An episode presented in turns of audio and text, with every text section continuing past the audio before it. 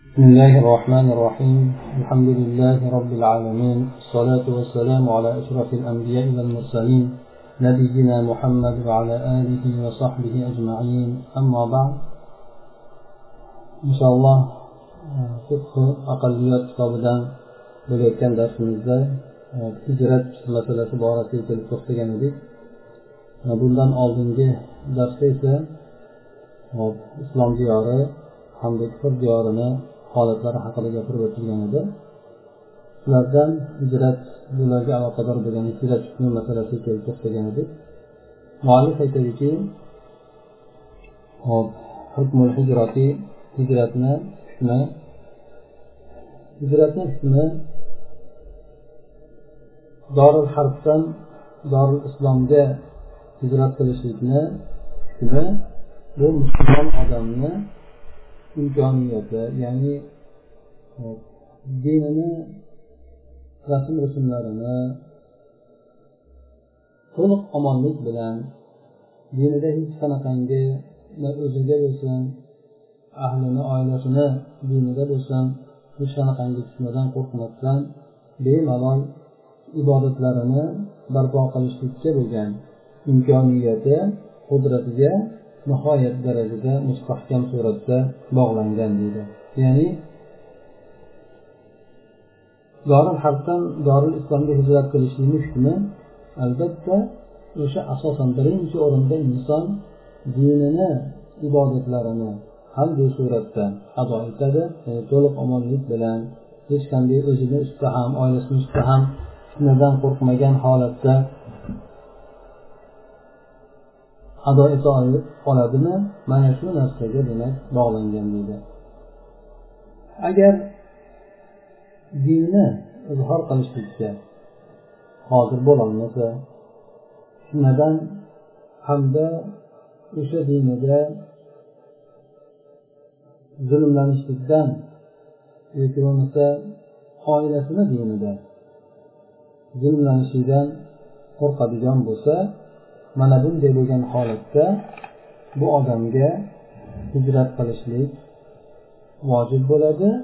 O'shanga qachon imkoniyat topadigan bo'lsa bu narsa esa olimlarni ijmosi bilan deb aytadi. Bunga mana bu ushbu oyatni dalil qilib keltiriladiki birinchisi alloh taoloni ushbu oyati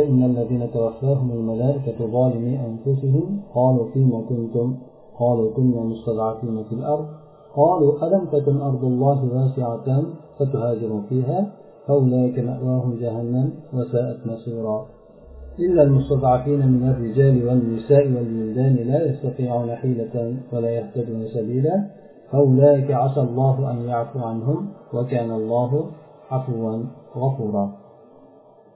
Bu oyat karima aslida makkadan madinaga hijrat qilishlik hamda mana shu hijrat qilishlik borasida imkoniyat topolmagan yoki kamchilikka yo'l qo'ygan odamlar borasida alloh taolo bu oyatda keltirib aytadiki farishtalar o'zlariga zulm qilgan kimsalarni jonlarini olgan paytlarida ya'ni o'zlariga zulm qilgan o'sha hijratni qilmasdan madinaga hijrat qilmasdan vafot etgan paytida farishtalar ularni vafot ettirayotgan paytida aytgan ekanki nimaga hijrat qilmaganlaringiz ha qayerda bo'lganlaringiz deb aytganda ular aytishadiki bu yerda zaif bo'lgan edik imkoniyatlarimiz tor bo'lgan edi deb aytishganda farishtalar ularga aytadiki alloh taoloni yeri keng emasmidi? Unda hijrat qilsalaringiz bo'lmasmidi deb ular aytadi. Ularni joylari jahannam bo'ladi. Bu katta bir farzni ado etmaganligi bu narsada sovuqqonlikka yo'l qo'yganligi uchun jahannamni esa oqibati qandayyam yomondir deydi faqat bunday bo'lgan holatdan zaif bo'lgan kimsalargina istisno qilindi.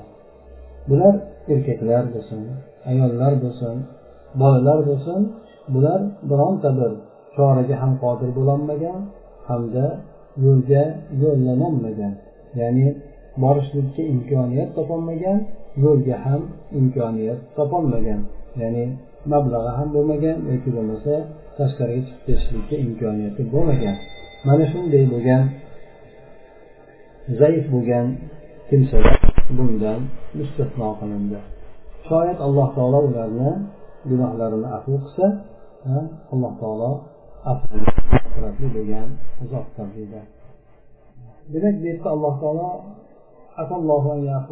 deb shoyat ularni gunohlarini kechirsa deb aytganda ibn abbosdan gap borki asad degan kalima alloh taologa ishlatilgan o'rinlarida bu narsa ehtimolni ifoda qilmoqchi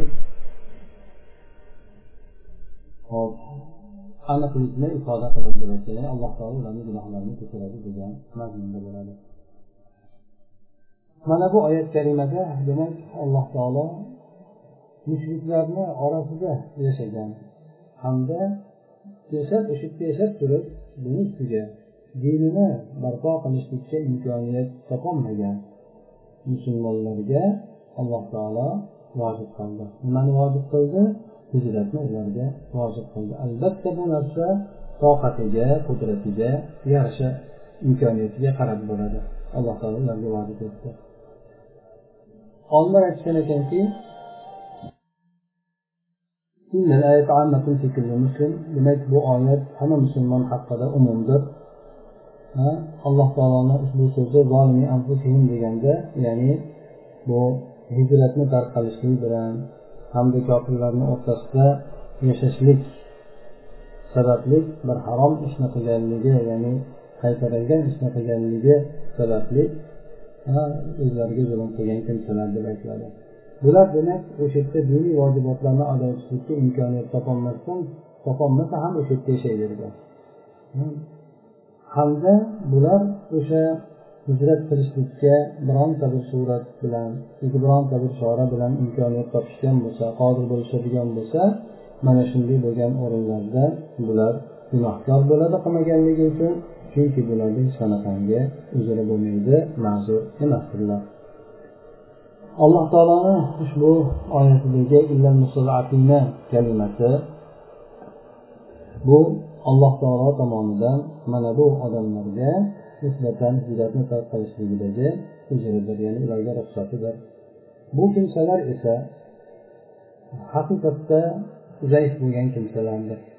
Juda haqiqatda bo'lgan bu erkaklarni yoshi o'tib qolganlari ayollarni zaifalari bolalar mana shulardan iboratdir bular o'sha mushuklarni qo'llaridan qutulishlikka ham biron bir sabab bilan qutulishlikka ham qodir bo'lolmaydilar agar qodir bo'lsalar ham yo'lga qanday yo'nalishlikni ham yo'l topib ketishlikni ham bilmaydilar. Mana shunday bo'lgan kimsalarni alloh taolo ma'zur etdi.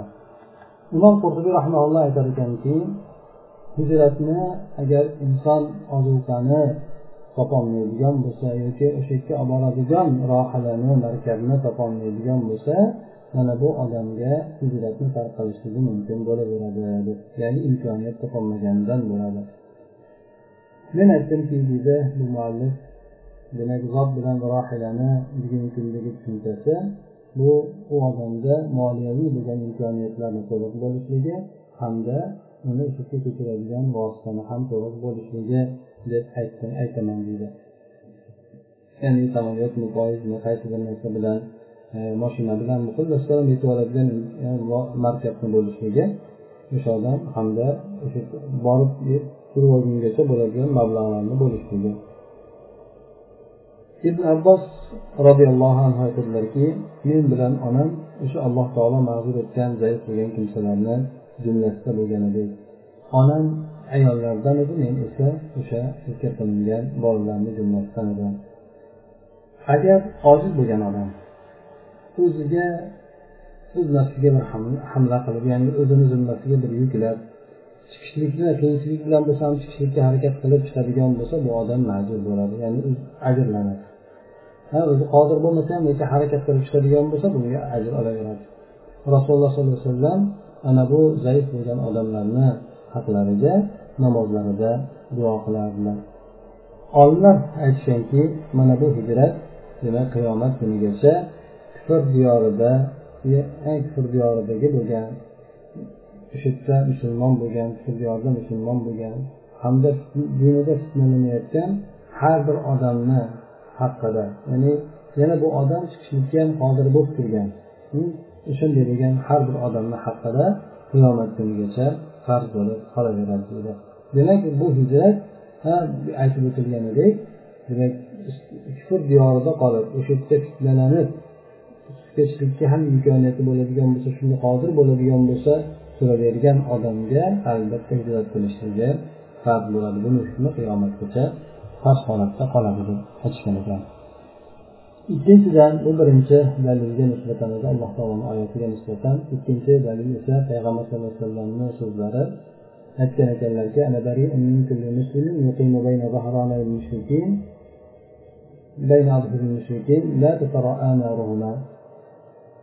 men o'sha mushriklarni orasida yashaydigan musulmon odamdan pokman o'sha yerda yashab qolaveradigan odam odamdan har bir musulmondan pokman deb aytganlar. Hamda ularni ya'ni mushriklar bilan musulmonni alangalari bir birini ko'rmaydigan holatda. Ya'ni bir birini ko'rmaslik kerak degan mazmunda aytganlar payg'ambar alayhissalom demak mushriklar bilan musulmon odamlarni bir birini a'lolari ko'rinmaslik kerak bir biriga yoki bir birlari ko'rmaslik kerak. Ya'ni bu degani yaqin yashamaslik kerak degan mazmunda pastda ham ayni shu narsani keltirib aytgan.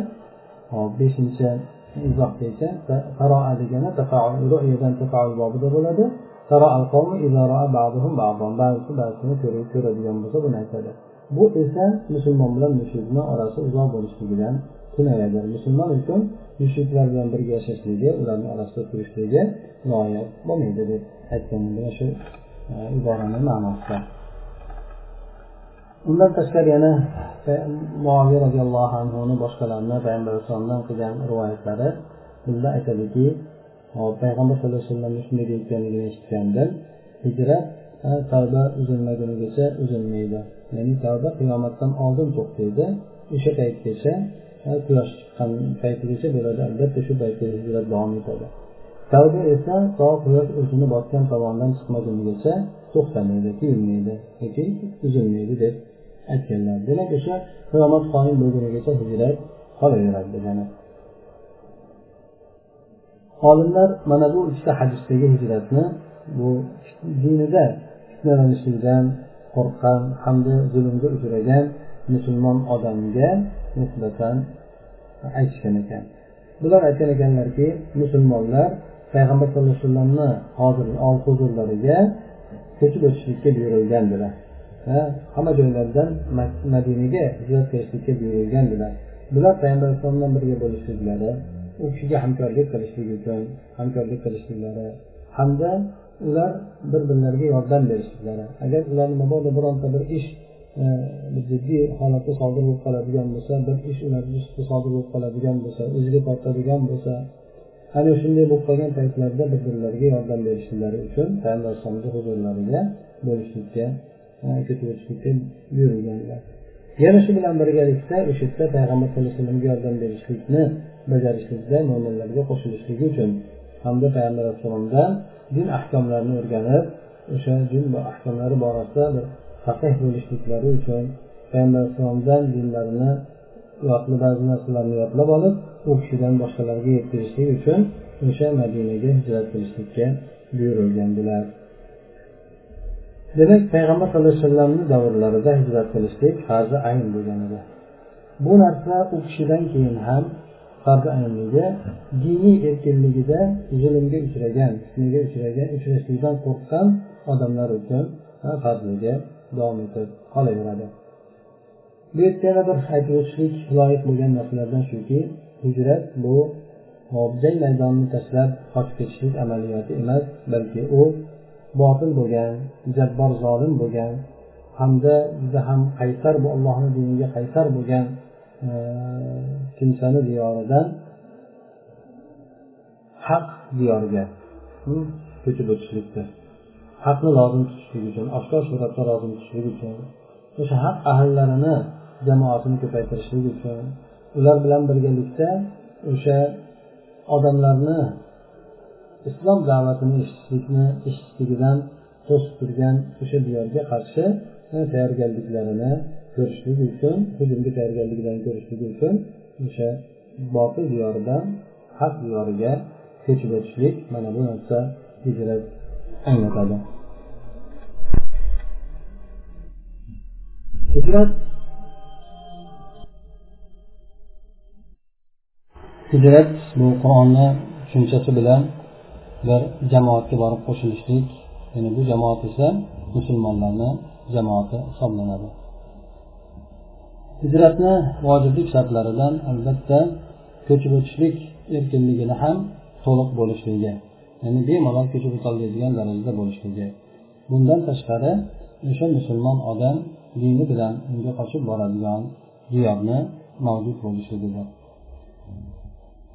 hozirgi paytdagi dorul islom ya'ni islom diyorini holatiga bir nazar tashlashlik bilan biz shu narsaga guvoh bo'lamizki bu diyorlar birinchidan mo'taman emasdir ya'ni omonligi yo'q. Ikkinchidan esa to'liq suratda hozirlab qo'yilmagandir. Ya'ni bu olamdagi mazlum bo'lgan dinda fitnalanayotgan musulmonlardan o'n millionlabini qabul qilishlikka bemalol imkon yaratib beradigan darajada hozirlanmagandir. Mana bu narsa agar o'sha islom diyorlaridagi hokimiyatlar musulmonlarga o'sha keladigan musulmonlarga kirishlikka agar ruxsat beradigan bo'lsa bergan taqdirda ham bu to'liq suratda muhayyo tayyorlanmagan hamda omonligi yo'qdir.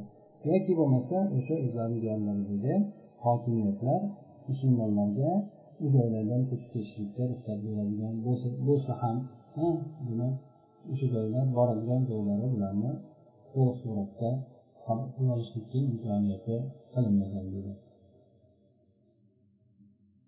albatta ikkita narsani keltirib o'tyapti demak o'sha hokimiyatlar avvalo qabul qilishlikka yo'q suratda juda ham kam suratda ikkinchidan esa o'sha ba'zi diyorlarda mana turkistonda bo'lsin hatto o'zimizda bo'lsin boshqa joylarda bo'lsin tashqariga chiqib ketishlikka hokimiyat ruxsat bermasligi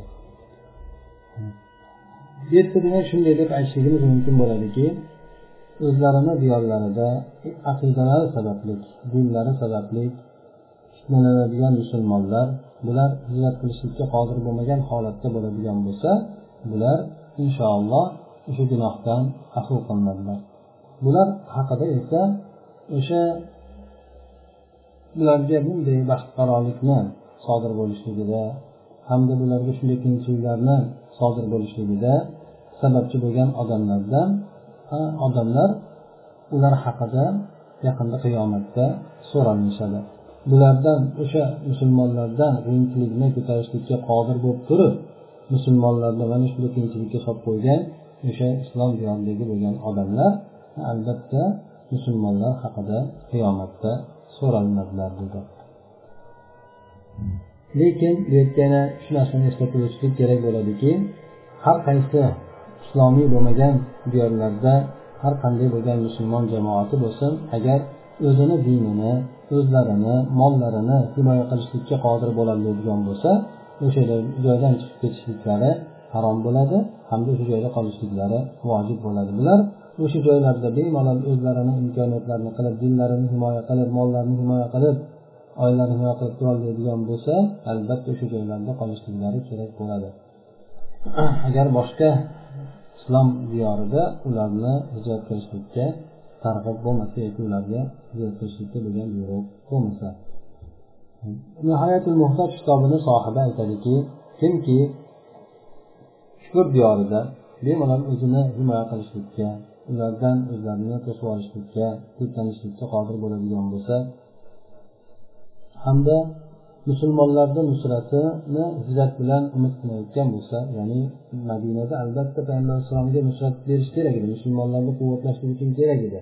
Ana o'shanday holat bo'lmasa bu odamni o'zini turgan o'rni shu joyda turishligi ojib bo'ladi. Chunki uni o'sha turgan joyini o'zi islom diyori hisoblanadi u bemalol aytib o'tgandek ibodatlarni boshqa narsalarni bemalol ado etadigan bo'lsa agar hijrat qiladigan bo'lsa bu dori harbga aylanib qoladi unda so'ng agar ularga jang qilishlikka qarshi hamda ularga qarshi jang qilishlikka ularni islomga da'vat qilishlikka qodir bo'ladigan bo'lsa albatta bu narsa unga lozim bo'ladi. O'sha yerda ularni e, jang qila oladigan bo'lsa jang qiladi yoki islomga chaqiradigan bo'lsa chaqiradi. Aks holda esa bu narsa unga vojib bo'lmaydi deydi ya'ni bu yerda holatni qaraladi e, musulmon odam agar u harb diyori harbga aylanadigan bo'lsa o'sha yerdan hijratib ketolmaydigan bo'lsa hijrat ketib ularga qarshi kurashadi ularni islomga chaqiradi. Agar bu narsa lozim bo'ladi agar unday bo'lmaydigan bo'lsa bu narsa lozim bo'lmaydi. Agar dori harbga aylanmaydigan bo'lsa albatta ularga qarshi jang qilishligi lozim bo'lmaydi. Yoki imkoniyati bo'lmasa ularni da'vat qilishlikka yoki jang qilishlikka imkoniyati bo'lmasa bu narsalar lozim bo'lmaydi. Umumiy suratda aytadigan bo'lsak agar musulmonlar mushriklarni diyorlarida zaif bo'lishadigan bo'lsa ularni o'sha yerda qolishligi bilan islomni g'olib bo'lishligi islomni zohir bo'lishligi umid qilinmaydigan bo'lsa hamda ular o'zlarini diniy ibodatlarini izhor qilishlikdan manlanadigan bo'lsalar vojibotlarni ado etishlikdan manlanadigan bo'lsalar ya'ni o'shanga to'siqlar qo'yiladigan bo'lsa bunday kimsalarga qachon imkoniyatlari bo'ladigan bo'lsa shartlar to'liq bo'ladigan bo'lsa albatta hijrat qilishlik vojib bo'ladi. Ya'ni hijrat qilishlik shartlari qaysi biriga to'liq bo'ladigan bo'lsa imkoniyati bo'ladigan bo'lsa albatta hijrat qilishlik vojib bo'ladi. Aks holda esa bunday bunday holat bo'lmasa vojib bo'lmaydi. Bunda ham baribir qalbida o'sha e, hijratni niyati qolgan bo'lishi kerak. Hamda o'sha hijratni ado etishligi uchun imkon qadar amal qilishlik bilan birgalikda hijrat shartlari topilmagan taqdirda ham o'sha yerda niyat qilib bo'lsa ham turishligi kerak bo'ladi. Albatta niyat qilish kerak bo'ladi. Bunda alloh taolo aytadiki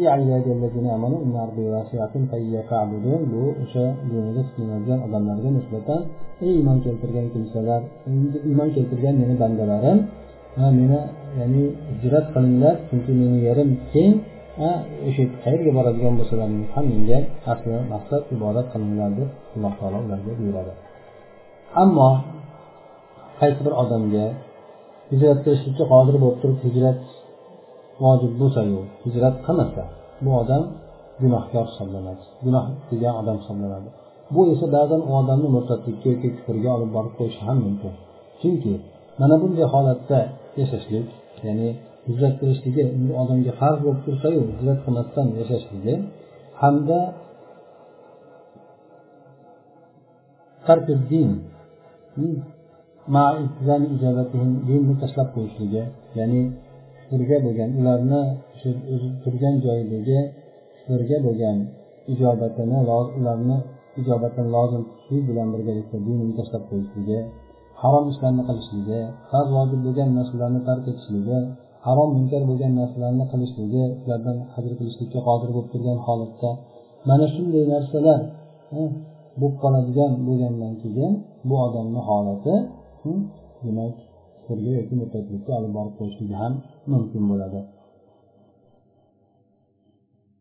Bunday bo'lgan odamni holati demak haqiqiy holatni ko'rinishi bu haqiqiy kufrga qarab borib qolishi mumkin.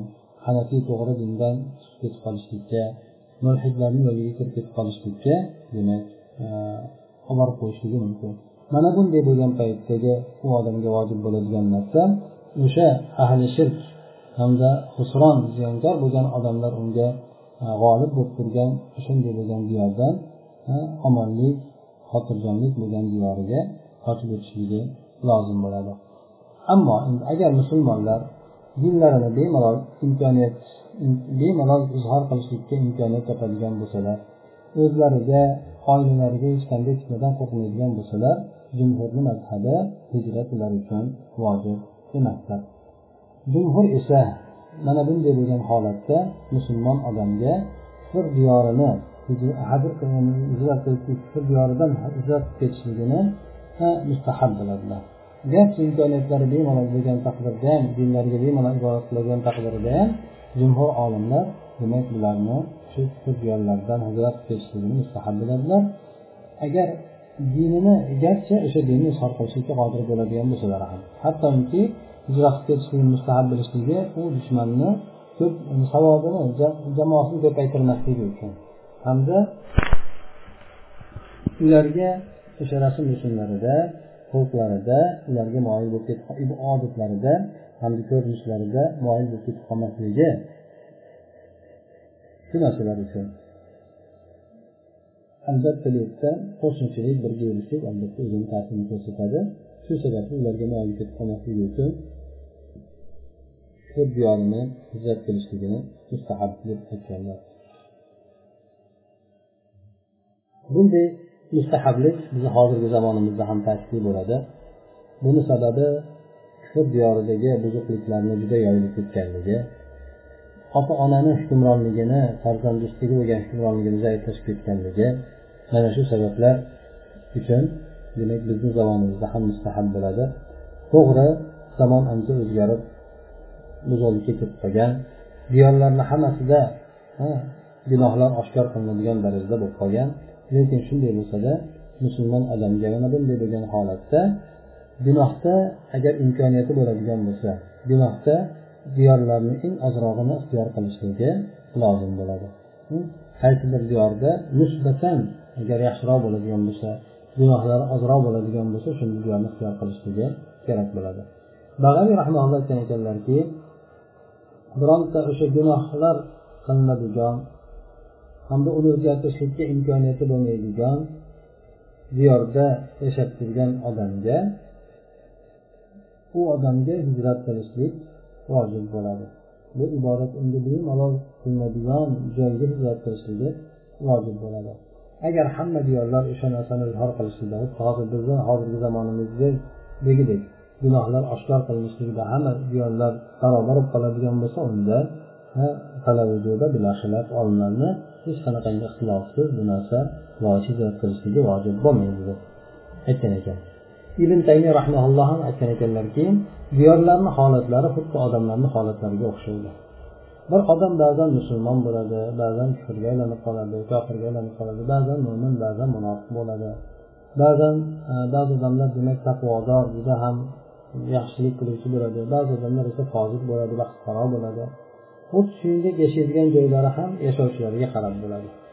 Ba'zi ziyonlar ba'zi ziyonlardan demak farq qiladi. Insonni kufr gunohlar diyoridan joyidan iymon toat joyiga hijrat qilishligi ham xuddi uni tavba qilishligi kufrdan ma'siyatdan iymon toatga ko'chib o'tishligi mana shu narsalarga o'xshashdir. Bu esa qiyomat kunigacha bu ish e, qoladigan ishdir musulmonlar bugungi kunda islomiy bo'lmagan olamda ko'ndalang bo'layotgan har xil holatlar bu esa ularni diniy tuyg'ularni hurmat qilinmasligidan tortib to o'sha o'zlari yashayotgan jamiyatlarga singib ketishlikka singib yuborishlikka bo'layotgan harakatlar mana shu narsalargacha bo'lgan. Musulmonlar ko'ndalang bo'layotgan narsalar bunda farqi yo'q. O'sha yerdagi diyorlarni hokimiyatlari tomonidan shu qilinayotgan bo'ladi musulmonlarni jamiyatga shunga yuborishlik yoki bo'lmasa o'sha yerdagi musulmon farzandlarini o'zini tomonidan singib ketishlik amaliyotiga bo'lgan qiziqishlik bilan bo'ladimi? Farqi yo'q. Baribir yana bundan tashqari o'sha narsalardan kelib chiqadigan e, tarbiyaviy islomiy tarbiyaviy bo'lgan asoslarni islomiy odatlarni rad qilishlik sekin sekin boradigan bo'lsa islomni tarbiyani rad qilishlik bo'ladi. Islomiy odatlarni tark qilishlik bo'ladi. Hamda ular bilan musulmonlar bilan aqidasini o'rtasini uzishlikka bo'lgan aloqasini uzishlik hamda ularni diniy meroslarini o'rtasini uzishlik musulmonlar bilan hamda ularni g'arbcha fikrlashlik uyushtirishni ham g'arbchalashtirishlik. O'sha yerdagi qavmlarni axloq bilan xulqlantirishlik xullas kalom o'sha tarbiyaviy o'sha diyorlarni tarbiyaviy manhajlari bilan ta'sirlanishlik hamda fikriy bo'lsin nafsiy bo'lsin ijtimoiy bo'lsin shunaqangi tuzilmalardagi ta'limiy nasl manhajlardan programmalardan ta'sirlanishlikgacha yana aytadiki bizni axloqlarimizga zid keladigan dinimizni ta'limotlariga haqiqatlariga zid keladigan o'shanday manhajlari shunday ta'lim manhajlari bo'lsin tarbiya manhajlari bo'lsin o'sha narsalardan ta'sirlanishlikgacha bo'lgan holatlari. Hamda bularga yana qo'shimcha muhit bo'lsin musulmon farzandlarini boshqalar bilan bo'lgan aloqalari bo'lsin. Hamda bu aloqalarni ularni shaxsiyatlarini paydo etishlikda o'shalarni ta'siri bo'lsin o'sha aloqalarni ta'siri ularni fikrlarini fikrlarni yo'nalishligidagi ularni ta'siri bo'lsin. Albatta bu yerda oiladagi kuzatuv organini yo'qolishligi masalan oila farzand juda erkin bo'lib o'zboshimcha bo'lib o'sishligi hamda musulmon ta'limiy muassasalarni o'sha ijtimoiy xizmatlarni taqdim qilishligi degan zaifliklari o'sha diyorlardagi hamda yetarli bo'lgan miqdorda yo'q yo'qligi o'sha muassasalarni yoki bo'lmasa talab qilinadigan faoliyat bilan ishlamayotganligi bu narsalar albatta undan tashqari o'sha yerdagi klublar bo'lsin hamda xabar bildiruv vositalari bo'lsin televideniya internet boshqa narsalar bo'lsin bular taqdim etayotgan tarqatayotgan yomonliklar fasod razilliklar mana shu narsalarni muqobilida demak musulmon odamdagi bo'lgan islomiy qiymatlar bo'lsin. Qadr qimmatlar bo'lsin oliy bir axloqlar bo'lsin mana shu narsalarni vayron qilishlik uchun kifoyalanlik narsa bordir.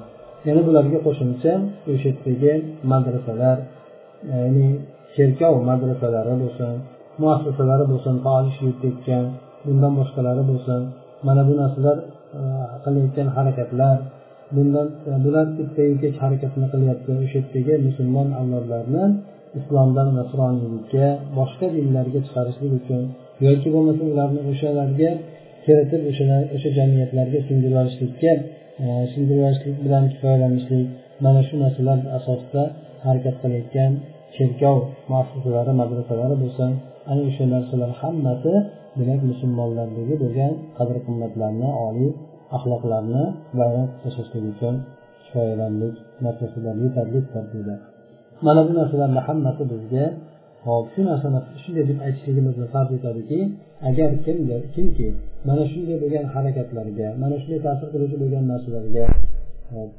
qarshi turishlikka qodir bo'lmasa ulardan cheklanishlikka qodir bo'lmasa hamda musulmon farzandlaridan o'sha boshini quyi qilib o'sha bo'lgan narsalar bilan birga yashayveradigan bo'lsa bunda albatta biz o'shanday bo'lgan diyor holat shunday bo'ladigan bo'lsa o'shanday diyorlarda yashashlikni harom ekanligini aytadigan odamlarni gapi to'g'ri deb biz ham aytishligimiz lozim bo'ladi.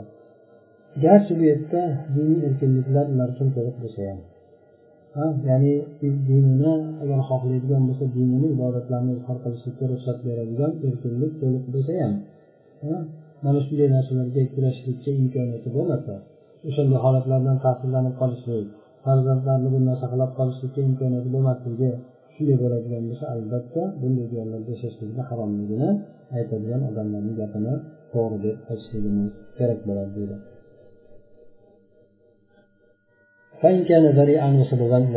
Ya'ni agar xohlasa o'sha dindan ibodatlarni bemalol ado ado etishlikka ruxsat beradigan bo'lsa ham deydi.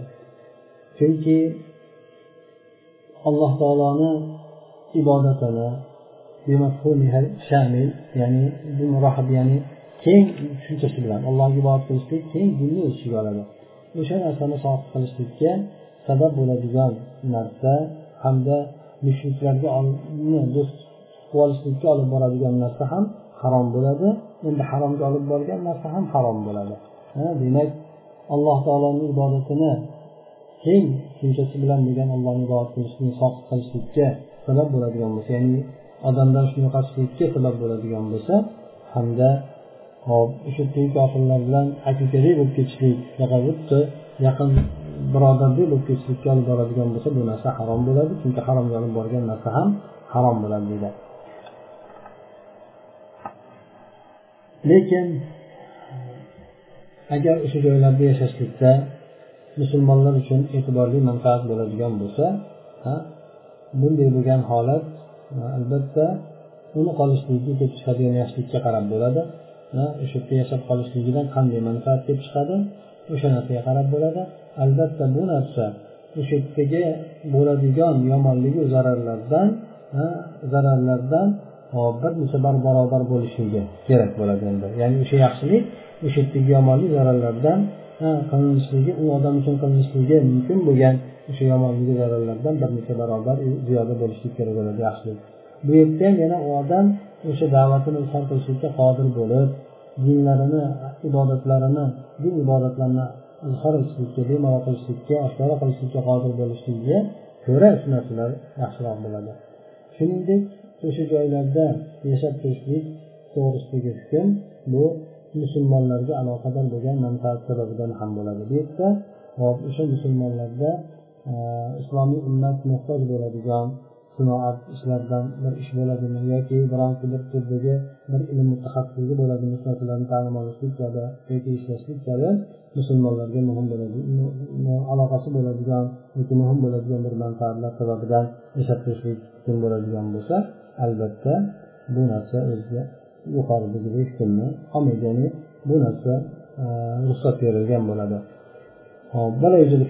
Musulmonlarni diyorida bo'lmaganu o'sha yerda bo'lgan sinoatlarni yoki ilmlarni o'rganishlik yoki bo'lmasa islom davlati uchun ular tomonida bo'ladigan elchi bo'lishligi mana shunday bo'lgan o'rinlarda musulmon odam o'sha joylarda borib yashashligi kerak bo'ladi. Aks holda esa musulmonlarga zarar bo'ladigan bo'lsa bunday joylarda imkon qadar ketishligi musulmonlarga lozim bo'ladi vojib bo'ladi. Mana shu demak e, hijrat masalasiga aloqador bo'lgan so'zlarida hop demak hijrat e, har har bir holatda o'ziga qarab turib hukm aytilar ekan. Umumiy suratda hijrat qilishlik kerak bo'lsa ham hijrat qilishlik farz bo'lsa ham yoki bo'lmasa umumiy suratda hijrat qilmaslik kerak degan o'rin bo'lsa ham lekin shaxslarga nisbatan alohida alohida hukmlari ko'rib chiqilar ekan. سبحانك اللهم وبحمدك نشهد أن لا إله إلا أنت نستغفرك ونتوب إليك. اللهم انفعنا بما علمتنا وعلمنا ما ينفعنا وزدنا علما.